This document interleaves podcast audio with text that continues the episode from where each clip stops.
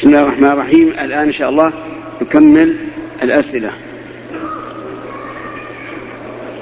نعم. آه، بسم الله الحمد لله.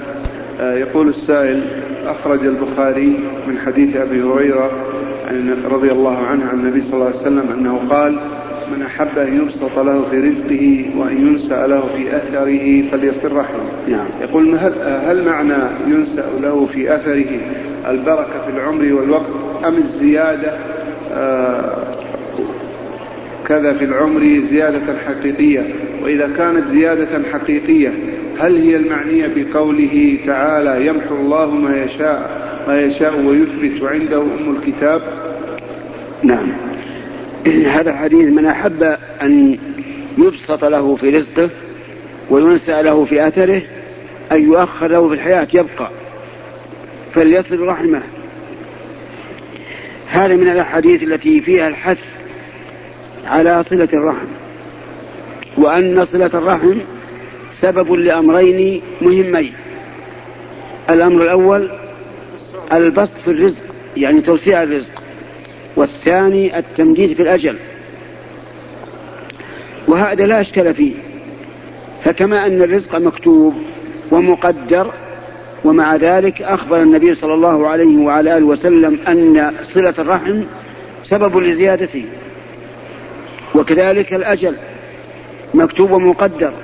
وقد أخبر النبي صلى الله عليه وعلى آله وسلم أن صلة الرحم سبب لزيادته ولا فرق بين هذا وهذا فالكل مكتوب.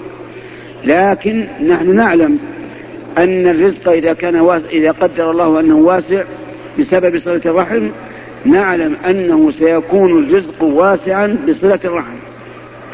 ونعلم أن الأجل إذا كان ممدودا بصلة الرحم فإن هذا سوف يصل رحمه ويكون أجله ممدودا. كما لو قلت مثلا من أحب أن يولد له ولد فليتزوج. الإنسان مقدر له أولاد أو, أو ليس له أولاد. فهو يسعى في الزواج لأجل يأتي الولد.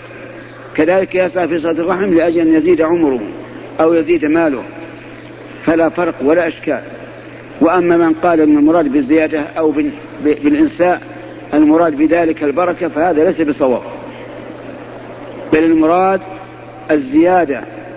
لكن هذه الزيادة كانت مكتوبة عند الله في الأصل على سبب وهو صلة الرحم.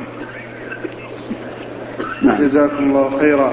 آه، فضيلة الشيخ صفة العلو لله عز وجل هل المراد بها علو الذات أو الصفة؟ أرجو التوضيح. نعم. المراد بعلو الله عز وجل علو الذات وعلو الصفة. وأكثر المسلمين لا يفهمون منها إلا علو الذات. العامي مثلا لو قلت إن الله هو العلي العظيم وش معنى العلي؟ قال لك إنه فوق كل شيء. لكن لا يعرف أن المراد علو الصفة أن جميع صفاته عليا كما قال الله تعالى ولله المثل الأعلى. فالعلو يعني علو الله ينقسم إلى قسمين. علو ذات بمعنى أن الله تعالى فوق كل شيء وأنه ليس في الأرض ولا في السماوات التي هي الأجرام المحيطة بالأرض ولكنه فوق كل شيء. كما قال الله تبارك وتعالى سبح اسم ربك الأعلى. إيش معنى الأعلى؟ الأعلى اسم تفضيل. يعني الأعلى فوق كل شيء. فهو جل وعلا فوق كل شيء وجميع المخلوقات تحته. وكلها ليست بالنسبة إلى الله بشيء. السماوات السبع والأرضون السبع في كف الرحمن كخردلة في يد أحدنا.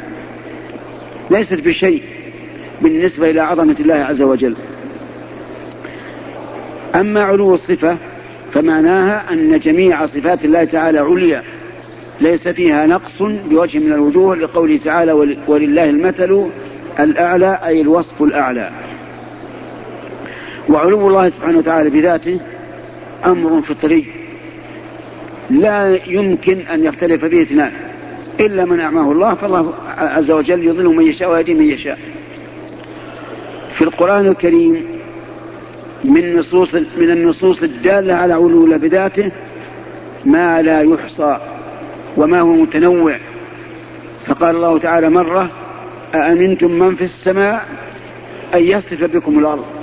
الآية التي سمعناها في قراءة العشاء وقال الله تعالى وهو القاهر فوق عباده. وقال تعالى سبح اسم ربك الأعلى.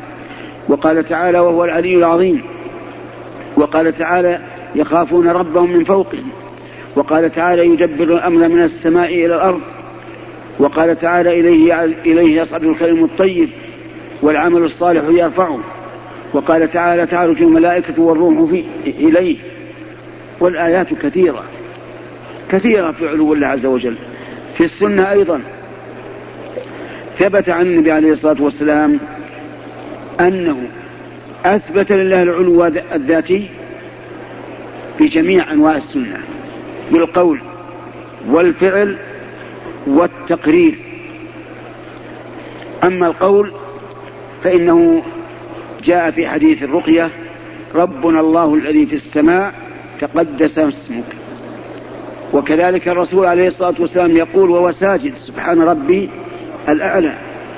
فيقر بعلو الله عز وجل. وأما بالفعل فإنه عليه الصلاة والسلام خطب المسلمين في أكبر اجتماع لهم وذلك في يوم عرفة. خطبهم عليه الصلاة والسلام وذكر لهم أصولا من الشريعة وقواعد مهمة ثم قال إنكم مسؤولون عني فما أنتم قائلون؟ قالوا نشهد أنك قد بلغت ونصحت وأديت. ونحن نشهد أنه بلغ وأدى ونصح عليه الصلاة والسلام. فقال اللهم اشهد يرفع أصبعه إلى السماء وينكتها إلى الناس. اللهم اشهد يعني على هؤلاء. هذه الإشارة وش معناها؟ معناها أن الله في السماء أو, أو في الأرض؟ في السماء. كذلك أيضا جاءه معاوية ابن الحكم رضي الله عنه وأخبره بأن جارية له مملوكة أغضبته يوما فصكها على وجهها. فندم رضي الله عنه وأراد أن يعتق الجارية. فجاء إلى النبي صلى الله عليه وسلم نعم فأخبر النبي صلى الله عليه وسلم بذلك فقال ادعوها. فدعاها. وقال له وقال لها أين الله؟ قالت في السماء. قال من أنا؟ قالت أنت رسول الله. قال أعتقها فإنها مؤمنة. فأقرها النبي صلى الله عليه وعلى آله وسلم على قولها إن الله في السماء. والأحاديث في هذا كثيرة ومعروفة. وقد أجمع الصحابة رضي الله عنهم والسلف الصالح على إثبات علو الله تعالى الذاتي وأن الله تعالى فوق كل شيء. ولا يحل بأي وجه من الوجوه أن نقول إن الله في كل مكان.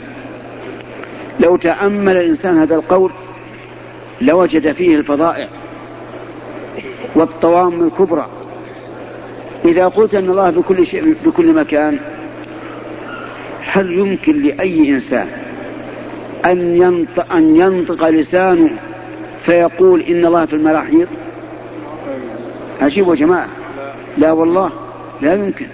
وهذا لازم القول بأنه بكل مكان.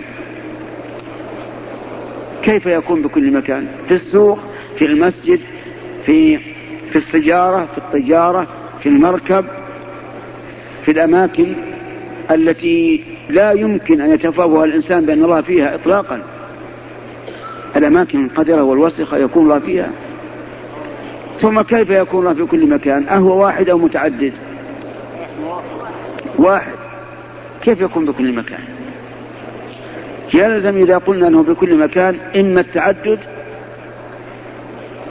وإما التجزؤ أن جزءا منه هنا وجزء هناك. وإما الحلول. أن تكون الأشياء حالة فيه. وكل هذا لا, لا يمكن لأي مسلم بل ولا لعاقل أن يتفوه به. ولهذا يجب عليك أيها المسلم أن تؤمن بأن الله تعالى فوق كل شيء وأنه استوى على عرشه. وإياك أن تلقى ربك بغير هذه العقيدة. فإن لقيت ربك بغير هذه العقيدة فأنت على خطر عظيم. أؤمن بأن الله فوق كل شيء. مستو على عرشه. عالم بخلقه. وإياك أن تقول هذه القولة النكراء الشنيعة إن الله تعالى بكل مكان. سبحان الله عما يقولون علوا كبيرا. نعم. جزاكم الله خيرا. أه تكلمتم فضيلة الشيخ عن مدائن صالح. يقول هذا السائل أن فيها مزارع للنخيل والفواكه فهل لنا أن نأكل منها؟ إيش؟ يوجد مزارع في مدائن صالح. يقول هل نأكل منها؟ إيه؟ ثمارها مدائن صالح الذي أعرف أن الحكومة وفقها الله قد حمت الأمكنة التي لا يجوز الاستيطان فيها. ولا في وليس فيها مزارع. لكن ربما يكون هناك مزارع حولها فلا بأس. نعم. آه، يقول آه، وأيضا هذا سؤال آخر لا تدخل عليها إلا باكين قول الحبيب صلى الله عليه وسلم. يقول هل ينطبق هذا على الآثار الأخرى التي تزار في هذه الأيام؟ نحن لا, لا نتأكد إلا ما عينه النبي صلى الله عليه وسلم. وإلا فإن العلة واحدة. إذا تأكدنا أن هذه الأرض وقع فيها خسف أو وقع فيها عذاب فالحكم واحد. لكننا لا نتيقن إلا ما عينه النبي صلى الله عليه وعلى آله وسلم. نعم. جزاكم الله خير. آه، منطقة أصحاب الأخدود فضيلة الشيخ الذي دفن, في دفن فيها المؤمنون هل تزار على أنها قبور؟ ما هي مؤكدة. نحن لا يمكن أن نتأكد الشيء إلا ما بينه الرسول عليه الصلاة والسلام. نعم. جزاكم الله خيرا. سائل يقول فضيلة الشيخ ما معنى ويم الله؟ وهل يجوز الحلف بها؟ إيش إيش؟ ويم الله. وأيم الله. أي نعم. ويم الله بمعنى ويمين الله. وهذا ليس حلفا بها لكنها بمعنى الحلف. أيم بمعنى أحلف بالله ويم الله بمعنى أحلف بالله. نعم. آه هذه سائلة فضيلة الشيخ تسأل وتقول آه ما حكم استعمال آه الكريمات المبيضة للبشرة والمادة آه، الملونة كأحمر الشفاء وغيره؟ نعم. يجب أن نعلم قاعدة مهمة. بينها الله تعالى في الكتاب. هو الذي خلق لكم ما في الأرض جميعا. فجميع الأشياء حلال. هذا الأصل فيها. فالكريمات التي تقول أنها تبيض الوجه لا بأس باستعمالها. ولا حرج. لأنها مما خلقه الله لنا في الأرض. لكني أخشى أن يبيض الوجه حتى يكون أبرص. فلتحذر المرأة هذا. ربما مع كثرة التكرار ينقلب لون الجلد إلى إلى بياض سيء. أما إذا كان لمجرد البياض الذي ليس فيه محذور فلا بأس. وكذلك محمر الشفاة. الشفاة أيضا لا بأس به. إلا إذا كان يمنع وصول الماء عند الوضوء فإنه لا يجوز استعماله. وكذلك الأعين. فإن هناك إيش هي؟ يسمونها عدسات. هذه العدسات اللاصقة لا بأس بها بشرطين. الشرط الأول أن ينتفي الضرر بحيث يسأل الطبيب هل هذا يؤثر على العين أو لا. الشرط الثاني أن أن لا يكون هذه أن لا تكون هذه العدسة تجعل عين المرأة عين حيوان. لأنه بلغنا أن بعض العدسات تجعل العين كأنها عين قط. أتعرفون القط؟ ما هو؟ نعم. البس. البس بفتح الباء. قال صاحب القاموس المحيط البس بفتح الباء والعامة تكسره. تقول إيش؟ اذا اللي يقول بس عامي واللي يقول بس فصيح. طيب على كل حال إذا جعلت العدسات لاصقة مثل عين الهر والقط البس البث نعم صرت عاميا. آه، فهذا لا يجوز. أما إذا كانت تجعل العين مثلا عسلية من أجل تحسين سواد العين وبياضها فلا بأس بذلك. نعم. جزاكم الله خيرا. آه رضاع الكبير فضيلة الشيخ إيش؟ أو إرضاع الكبير والدخول عليه والخلوة به آه في آه هل يجوز يعني إرضاع الكبير؟ نعم. يعني رجل كبير يرضع؟ إيه. هذا هذا قصده؟ إيه نعم. إيه. إرضاع الكبير لا يؤثر. لأن لأن الرضاعة إنما تكون في الحولين. اللذين يكون بهما آه، نمو الإنسان بسرعة. أما الكبير فلا يؤثر إرضاعه أبدا. فإن قال قائل ما الدليل؟ قلنا الدليل من, من قول الرسول عليه الصلاة والسلام. إياكم والدخول على النساء. وإيا يعني التحديث قالوا يا رسول الله أرأيت الحم الحم قريب الزوج. قال الحم الموت. الحم الموت. يعني احذروه كما تحذرون الموت. لو كان إرضاع الكبير جائزا لقال الرسول عليه الصلاة والسلام الحمل ترضعه المرأة ويكون ابنا لها. فلما عدل عدل عن ذلك مع دعاء الحاجة إليه علم أنه لا ينفع إرضاع الكبير. ثم إن إرضاع الكبير فيه خطر يا إخواننا. إذا كانت الزوجة لا تريد زوجها وفيها لبن منه تعمل حيلة. تأتي له بدلة الحليب صباحا قد حلبته من ثديها. خمسة أيام. إذا إذا أرضعته خمسة أيام صار ولدا لها. وحرمت وحرم حرمت عليه. وهذا مشكل. فإن قال قائل ما تقولون في قصة سالم مولى؟ نعم. نقول قصة سالم قصة لا نظير لها ولا يمكن أن يوجد لها نظير لأن سالما كان قد تبناه وصار له بمنزلة الابن يدخل البيت ويخلو بالمرأة فأبطل الله تعالى التبني. ثم جاءت امرأته إلى النبي صلى الله عليه وعلى آله وسلم تشكو. تقول لا يمكن أن, أن نتحرز من, من سالم. فقال لها أرضعيه تحرمي عليه. وهو كبير. أرضعيه تحرمي عليه. لكن هذه حالة خاصة لا يمكن وجودها بعد إبطال التبني وعليه فلا دليل في حديثه على أنه يجوز إرضاع الكبير وأنه مؤثر. نعم.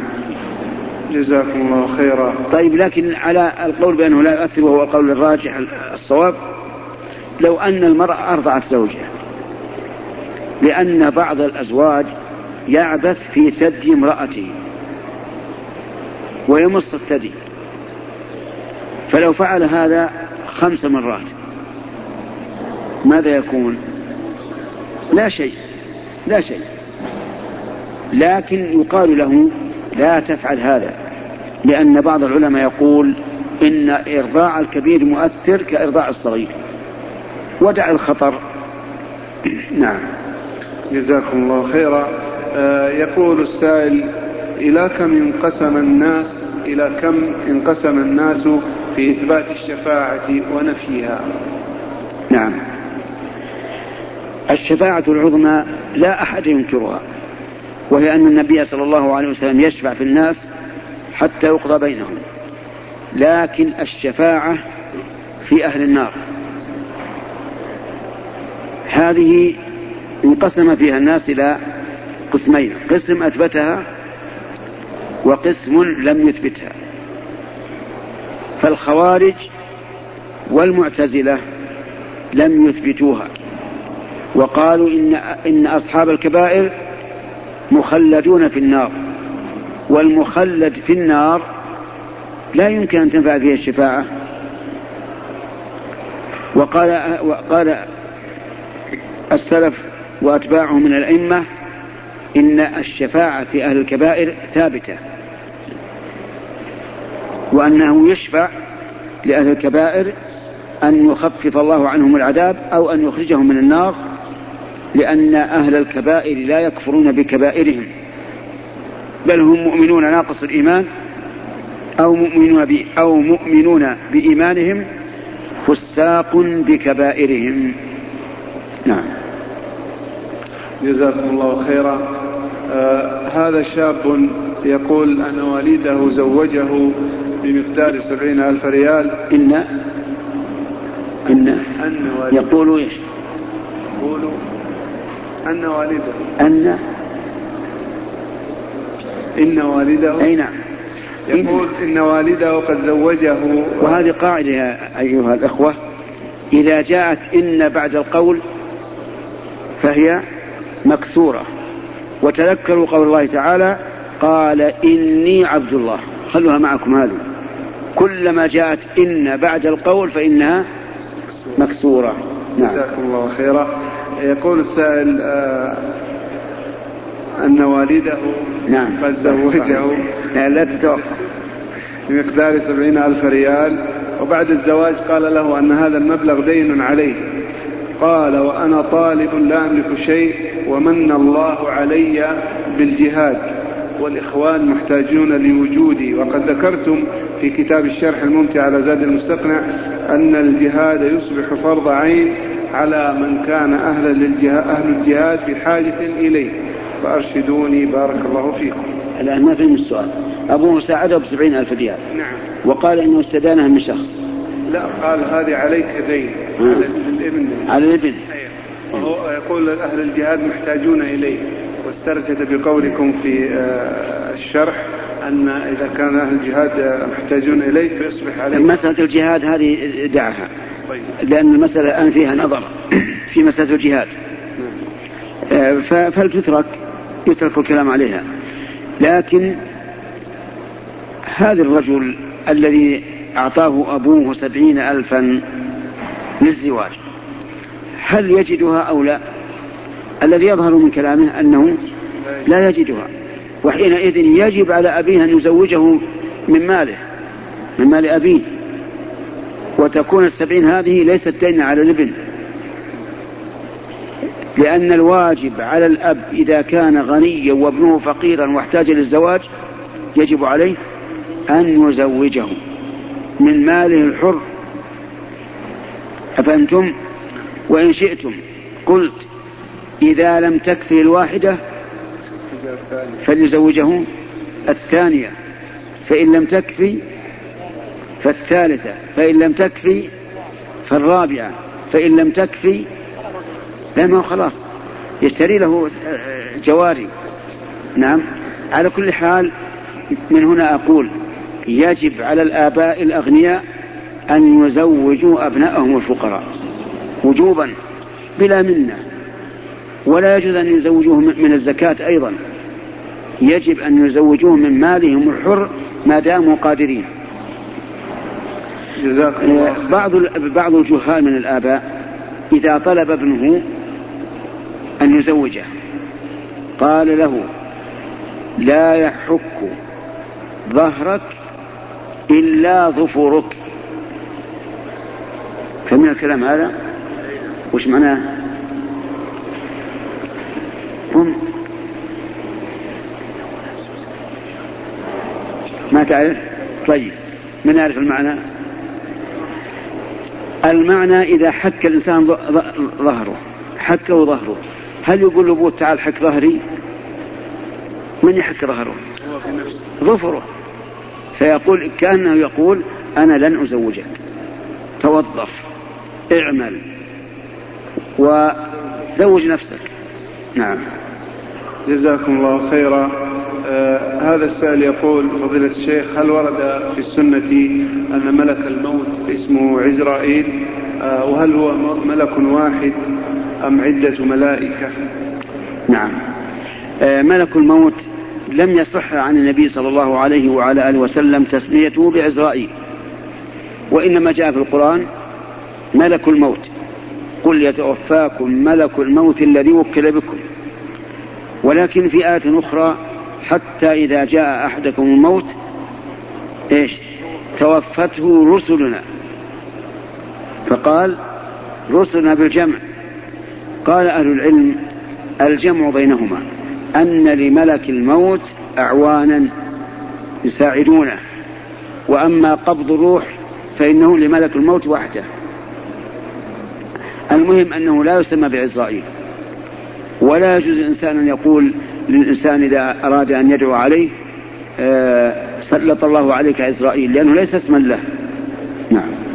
جزاكم الله خيرا. آه هذه سائلة تقول هل يحل للمرأة أن تكذب على زوجها لإرضائه؟ نعم. جاء في الحديث أن الكذب يجوز في ثلاث منها حديث الرجل امرأته وحديثها إياه فإذا كان من المصلحة أن تكذب عليه فلتتأول. تتأول. بمعنى أن توري بكلامها. لأن هذا فيه مصلحة وليس فيه مفسدة. نعم. جزاكم الله خيرا. آه، فضيلة الشيخ هل الدفن ليلا جائز؟ نعم. الدفن ليلا جائز.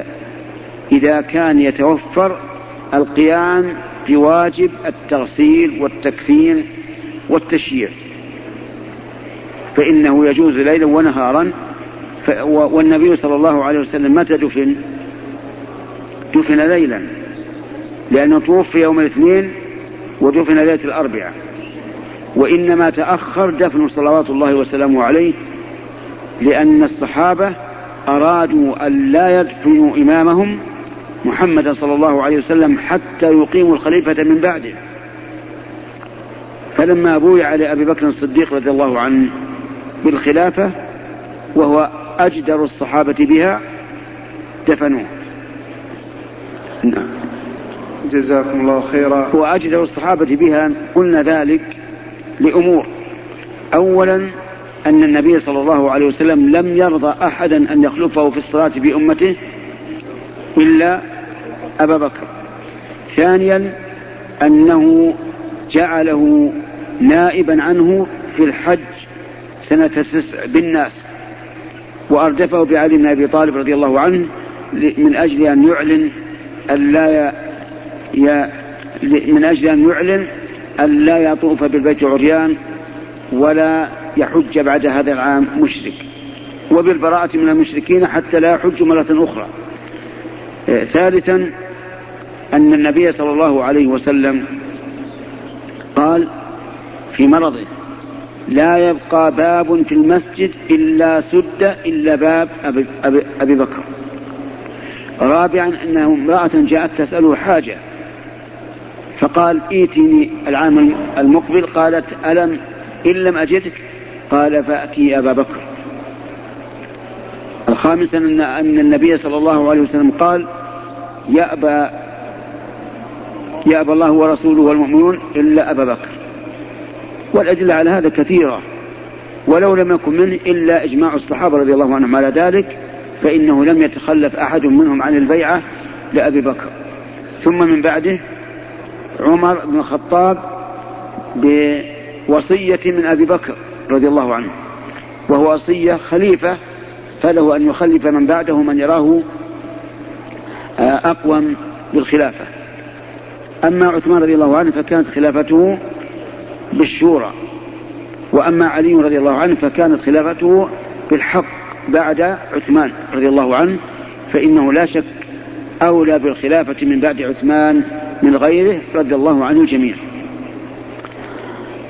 نعم. جزاكم الله خيرا. يقول السالف السائل اختلف في حكم الشرب قائما فمنهم من يجيزه ومنهم من يمنعه أفتون مأجورين الذي يظهر لي أن من السنة أن الأفضل أن يشرب قائما وأنه يكره نعم أن الأفضل أن يشرب قاعدا وأنه يكره أن يشرب قائما لأن النبي صلى الله عليه وسلم ثبت عنه أنه شرب قائما.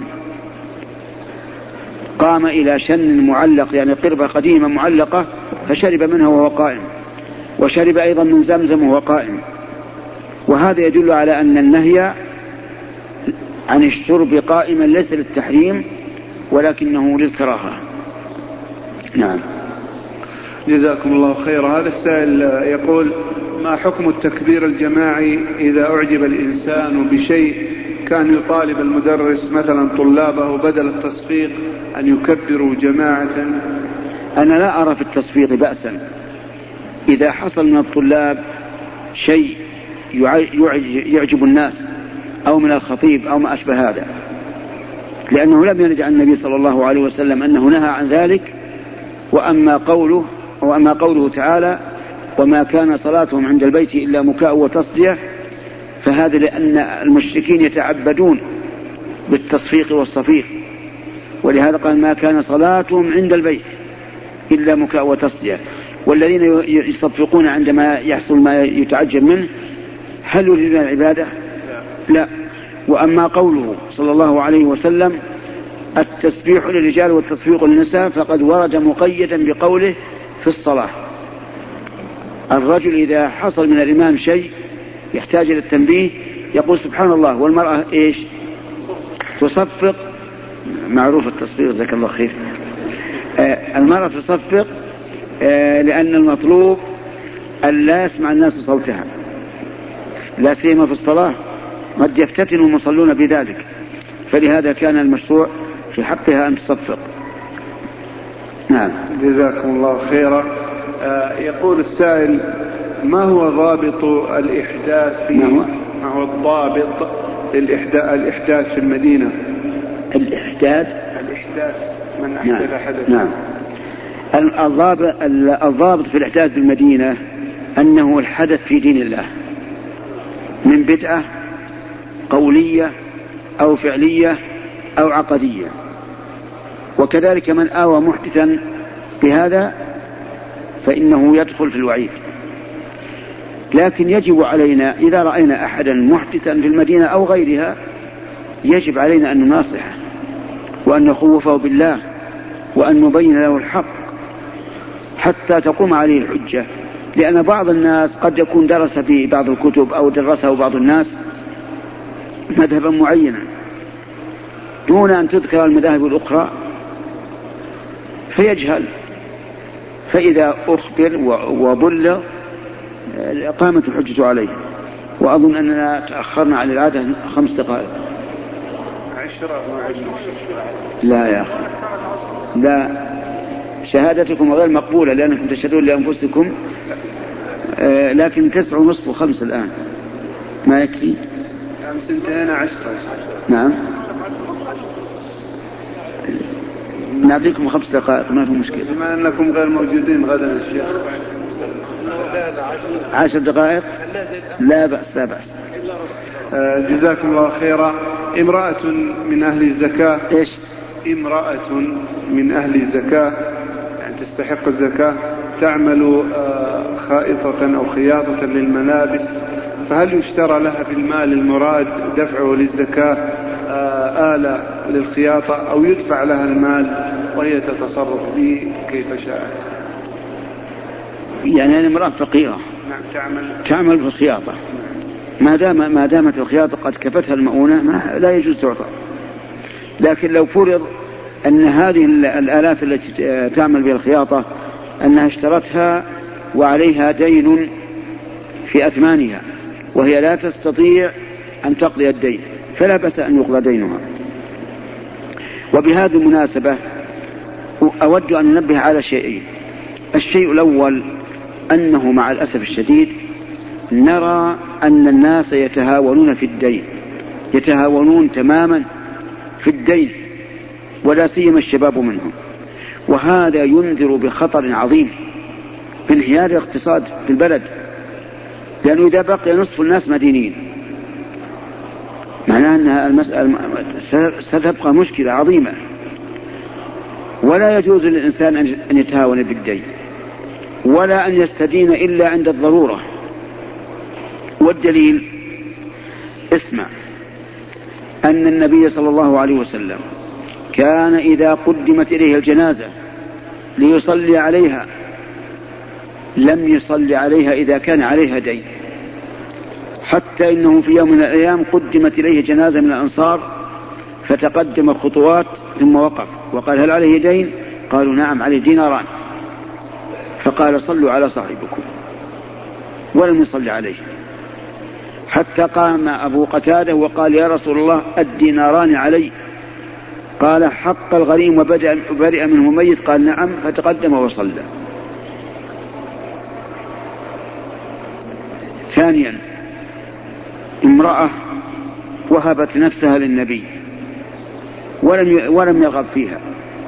فقام رجل فقال يا رسول الله إن لم يكن لك بها حاجة أعطنيها زوجنيها.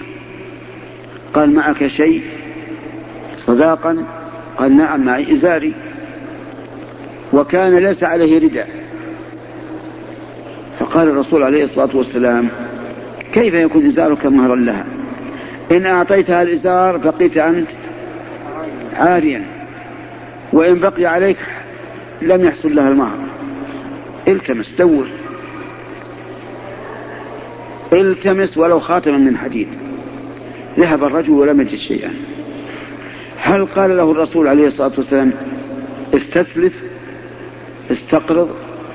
أبدا ما قال هذا. قال هل معك شيء من القرآن؟ قال نعم. قال زوجتك بما معك من القرآن. وهذا يدل على عظم الدين. الآن مع الأسف تجد الشاب ليس عنده إلا مرتب قليل ثم يشتري أفخم السيارات. يمكن أن يشتري سيارة يعني على قد حاله بعشرين ألفا أو ثلاثين ألفا لكن لا يذهب ويشتري بكم؟ كم يا أخوان؟ بمية بسبعين بثمانين لماذا؟ كل هذا من الغلط. كذلك أيضا بعض الناس يكون عنده بيت. البيت ماشي. فيها الفرش في الأماكن التي تحتاج إلى فراش وفيه المكيفات في الأماكن التي تحتاج إلى مكيف لكن لا. يريد أن يجعل كل البيت مفروشا. وهات الديكور. وهات فرش الدرج. هذا غلط. يا إخواني الدين ليس, ليس بالأمر الهين. الدين صعب. وإذا مات الإنسان فقد جاء في الحديث أن نفس المؤمن معلقة بدينه حتى يقضى عنه. ومن الذي يضمن إذا مات أن الورثة يقومون بقضاء الدين؟ ولو من تركة الميت. كثير من الورثة لا يهتم يتهاون. وهذه مشكلة أرجو منكم بارك الله فيكم أن تحلوها. وأن لا تتدينوا إلا عند الضرورة. أما المسألة الثانية فمن المعلوم أن أهل الدين الغرماء يعني أقصد الغارمين تقضى ديونهم من الزكاة. فإذا علمت أن هذا الرجل عليه ألف ريال وليس قادرا على على وفائها فاقضها من الزكاة. ولكن كيف؟ لك في هذا طريقان. الطريق الأول أن تعطيه الألف. وتقول خذ هذه ألف أو في دينك. والطريق الثاني أن تذهب إلى الدائن وتقول يا فلان أنت تطلب فلانا ألف ريال هذه ألف ريال. أيهما أحسن؟ الأول أو الثاني؟ فيه تفصيل. إذا كان هذا المدين حريصا على قضاء الدين وتعرف أنه إذا أعطيته هذا لقضاء الدين ذهب وقضاه فالأفضل أن تعطيه هو. وإذا كان متهاونا تخشى أن أعطيته الألف لقضاء الدين ذهب يشتري به أمور كمالية لا, داعي لها فاذهب إلى الدائن وقل له يا فلان أنت تطلب فلانا كذا وكذا هذه هذا دينك. نعم.